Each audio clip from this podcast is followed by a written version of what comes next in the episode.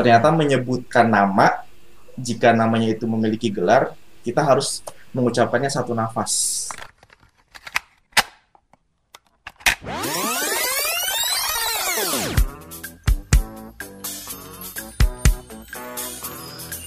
The All New Reski Bicara.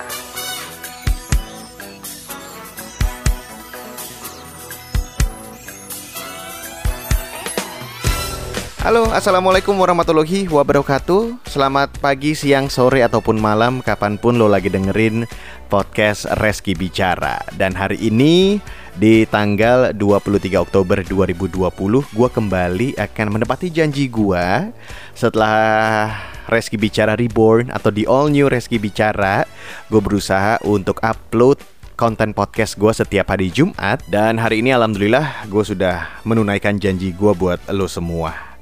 Hari ini gue mengupload satu konten baru di podcast gue. Ini adalah eh, apa ya bisa dibilang kayak segmen baru atau fitur baru di Reski Bicara. Jadi kali ini gue mau ngenalin lo Meet the Expertnya Reski Bicara. Apa itu Meet the Expert? Jadi di Meet the Expert ini gue bakal ngajak ngobrol temen gue yang punya satu hal yang mudah-mudahan hopefully bisa menjadi inspirasi lo untuk mungkin melakukan apa yang dia kerjakan.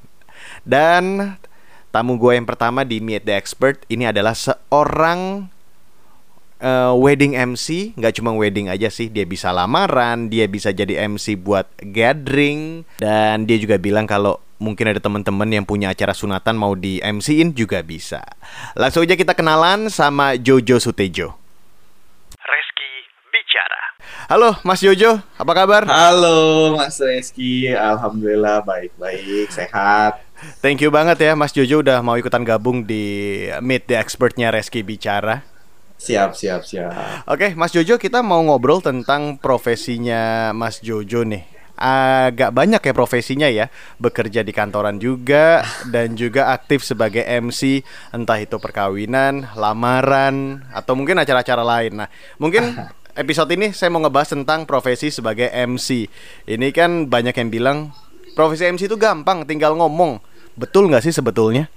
Ya, ya sebetulnya dengan orang yang sudah sering berbicara di depan umum gitu ya, ya mungkin bisa mengatakan seperti itu. Tapi jika memang baru gitu ya terjun di dunia kategorinya ini kan entertain ya, Mas Mm-mm. Reski ya. Ya mungkin mereka masih grogi, terus juga bingung apa yang mau diomongin gitu kan sebagai MC. Ya, karena dari situ juga saya awalnya juga seperti itu gitu. Nah, ini ini ini menarik banget karena pertanyaan ini akan saya tanyakan nanti di akhir eh, podcast episode kali ini. Apa sih susahnya menjadi seorang MC? Tapi eh, menariknya pasti setiap kita mau mengawali sebuah profesi atau kerjaan pasti ada cerita di balik eh, profesi itu. Kenapa alasannya kepingin menjadi seorang MC? Nah, kalau Mas Jojo apa sih? Ya, alasannya dulu kepingin menjadi seorang MC.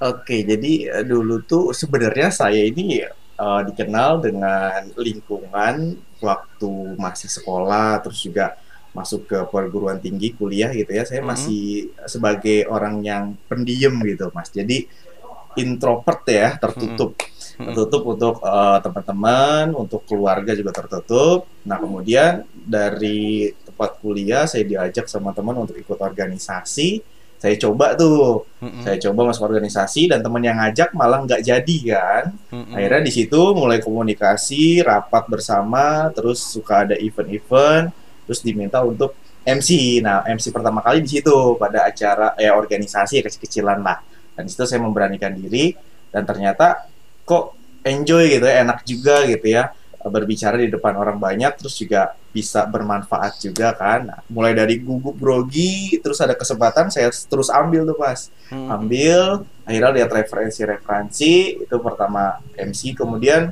lulus kuliah kan mulai bekerja tuh ya. Mm-mm. dari tempat kerja juga kadang seminggu sekali ada kegiatan ngumpul gitu ya ada acara setiap sebulan sekali. Terus ya kayak acara-acara besar kan suka ditayain di kantor tuh.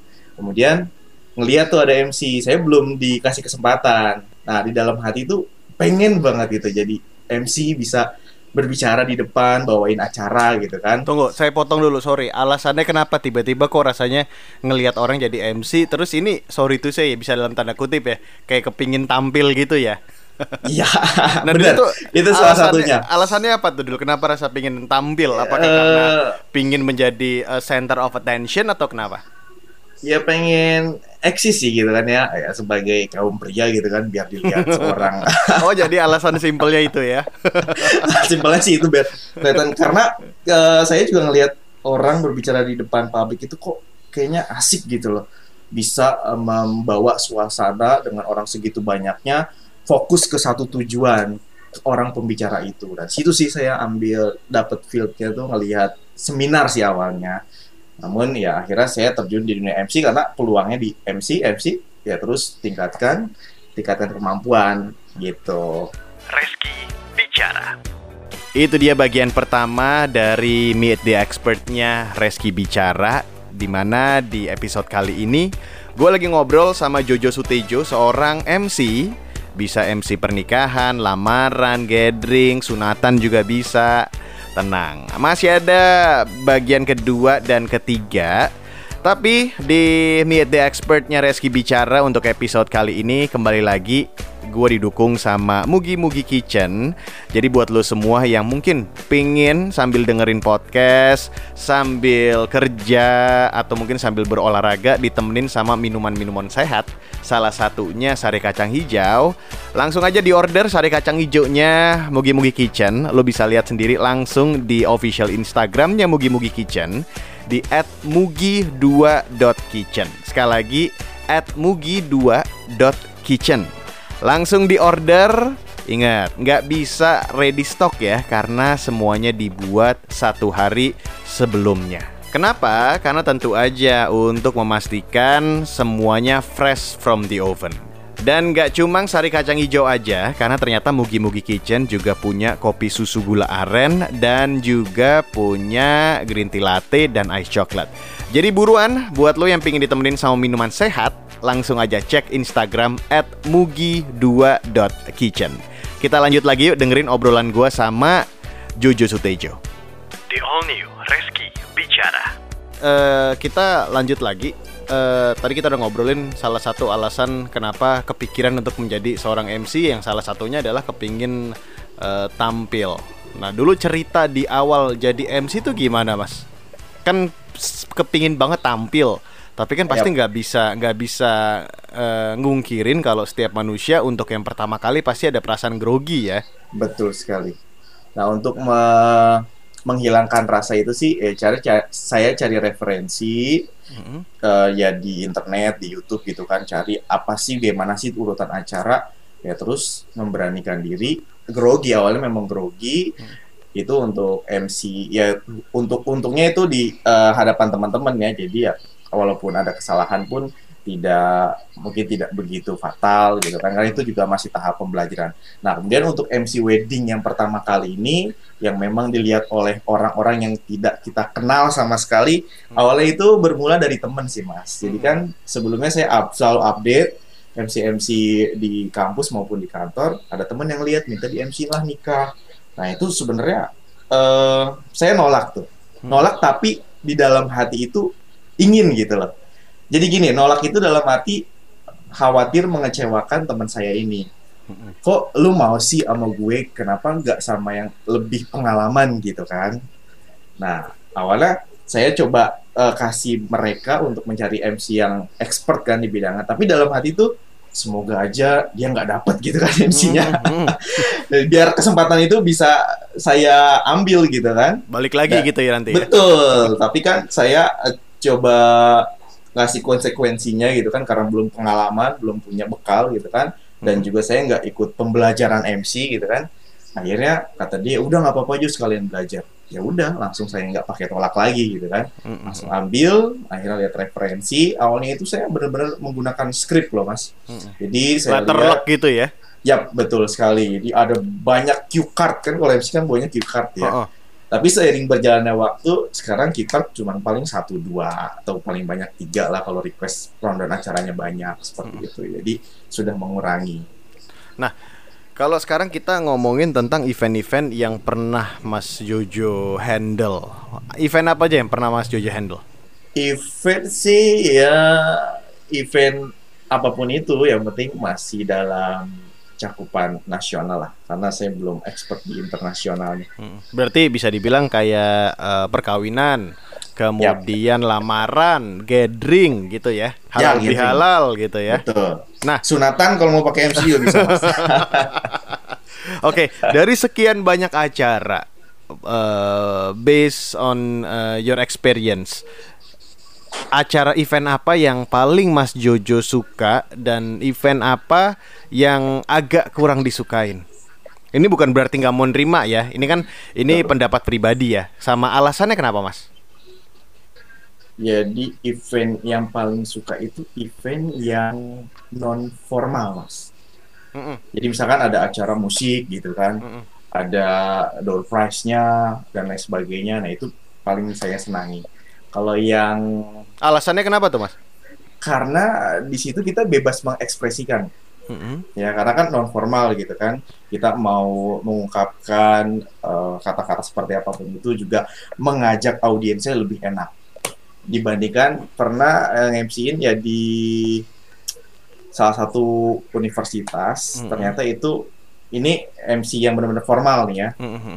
Dan di situ kita wajib mengikuti protokol. protokolnya dan itu walaupun acaranya memang singkat tetapi benar-benar harus timingnya harus benar tepat kata-katanya pun juga dan saya dapat pelajaran di situ hmm. ternyata menyebutkan nama jika namanya itu memiliki gelar kita harus mengucapkannya satu nafas Oke, misalnya gimana, Mas? Misalnya coba, uh, uh, misalnya kita sebutkan namanya uh, Insinyur Joko Widodo, misalnya ya Presiden kita, ya. gimana tuh? Okay, okay. Uh, disebutkan dari awal kan, misalnya Presiden Republik Indonesia Insinyur Joko Widodo itu gimana mas nyebutnya mas? Jadi misalkan kan Haji ya Bapak mm -hmm. Insinyur Haji Joko Widodo gitu kan. Mm -hmm. Jadi uh, jadi sebelum dikoreksi itu saya menyebutkan gini misalkan Oke, baiklah Bapak Ibu hari tamu undangan, sambutan akan disampaikan oleh Bapak Presiden Insinyur Haji Joko Widodo. Nah, itu kan pakai nafas tuh. Iya.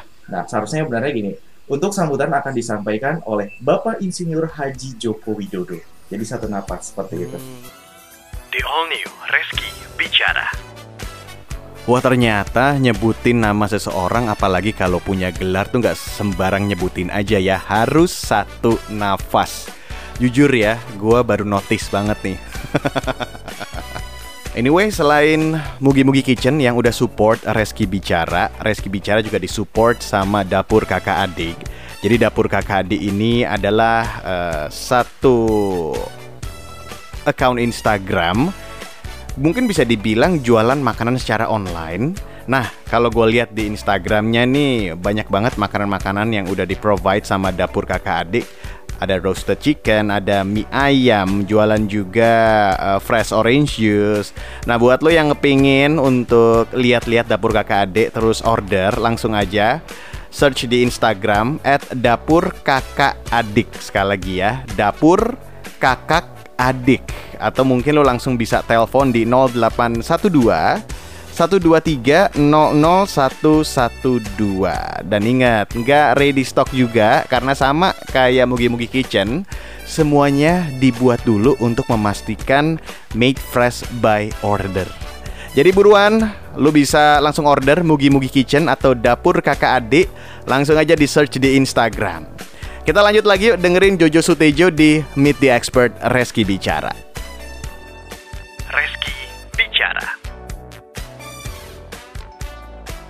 Ini ini sekarang uh, di Meet the Expert ini tuh punya satu tujuan supaya pendengar-pendengarnya Reski Bicara ini bisa terinspirasi sama apa yang sedang uh, Mas Jojo lakukan menjadi seorang MC. Mungkin sekarang waktunya kita untuk ngobrolin seandainya nih uh, ada satu orang saya lah misalnya gitu Mas Jojo. Saya pengen menjadi seorang MC. Apa aja sih Mas yang harus saya siapkan atau mungkin belajarnya dari mana menurut pengalaman Mas Jojo? Oke, karena saya tidak melakukan pembelajaran melalui kayak seperti kursus itu ya, jadi mm -hmm. bisa dikatakan otodidak. Mm -hmm. Yang pertama sih saran saya teman-teman harus memberanikan diri dulu, mm -hmm. itu yang paling penting ya. Dengan berani ya berani tampil di depan teman-teman dulu aja gitu kan Hmm. misalkan seolah membawakan acara jadi memang harus dilatih kan ya Mm-mm. buat rundown ya misalkan acara apa itu contohnya misalkan eh, hari-hari besar atau seperti Agustusan gitu kan ya dibuat kemudian tampil di depan kaca dulu deh minimal gitu kan ya dicoba dulu sendiri karena saya juga terkadang nyoba sendiri-sendiri minimal menggunakan skrip dulu aja kita baca Mm. skrip gitu kan memberanikan diri baca skrip dengan intonasi-intonasi yang naik turun seperti itu Mengalun sih. gitu ya. betul mengalun di ayun Mm-mm. seperti itu Terus ada lagi gak mas yang harus dipersiapkan nih? Misalnya ada ah kepingin jadi MC ah kita tapi masih zero banget nih, masih nol banget nih. Selain latihan di depan kaca, apa lagi mas? Mungkin bisa sharing pengalaman mas Jojo. selain latihan, kita jika sudah latihan, terusnya kita coba ikut atau nonton bener-bener MC dari awal sampai akhir. Bisa melalui video atau melalui secara langsung. Kemudian jika ada kesempatan, jangan ditolak, langsung diambil. Karena kan kalau memang benar-benar zero itu kan nyari kesempatan susah ya Mm-mm. sangat-sangat susah. Nah, mungkin kita bisa ya sering latihan. Pada saat latihan itu di update gitu kan ya. Nah, ketika ada teman-teman lihat, kemudian atau ada teman yang diminta jadi MC, kita langsung maju, maju dulu aja karena saya prinsipnya ada kesempatan ambil dulu aja. Yang penting Ya. pengalaman itu mahal ya. Betul sekali. Jadi eh, pas saya ambil, di situlah saya sambil belajar. Kan kapan lagi belajar yang dibayar? Tetapi jangan juga mengharapkan imbalan yang besar. Mm-mm. Seperti itu kan ada juga temen yang mungkin minim budget untuk acara, misalkan seperti acara ulang tahun, budgetnya minim, dia minta MC-in, tapi misalkan nggak dibayar gitu kan. Ya udah ambil gitu, jangan ngarepin pembayarannya dulu. Mm. gitu. Ada kesempatan ambil. Karena eh, kapan lagi kita belajar gitu kan ya. Belajar langsung. Kalau belajar di tempat pembelajaran kan belum tentu kita dapat job.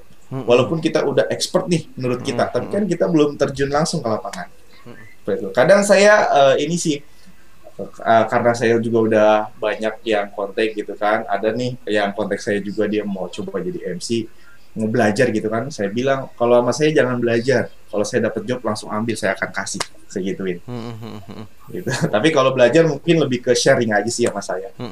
Nah, kalau misalnya eh jadi seorang MC itu saya pun pernah eh menjalani atau pernah beberapa kali menjadi seorang MC. Satu hal yang susah banget dan yang pasti akan selalu dihadapi itu rasa grogi. Mau kita udah se-expert apa pun, pasti begitu ngeliat orang banyak pasti grogi kan ya. Nah, Ya. kalau tips dari Mas Jojo gimana, Mas?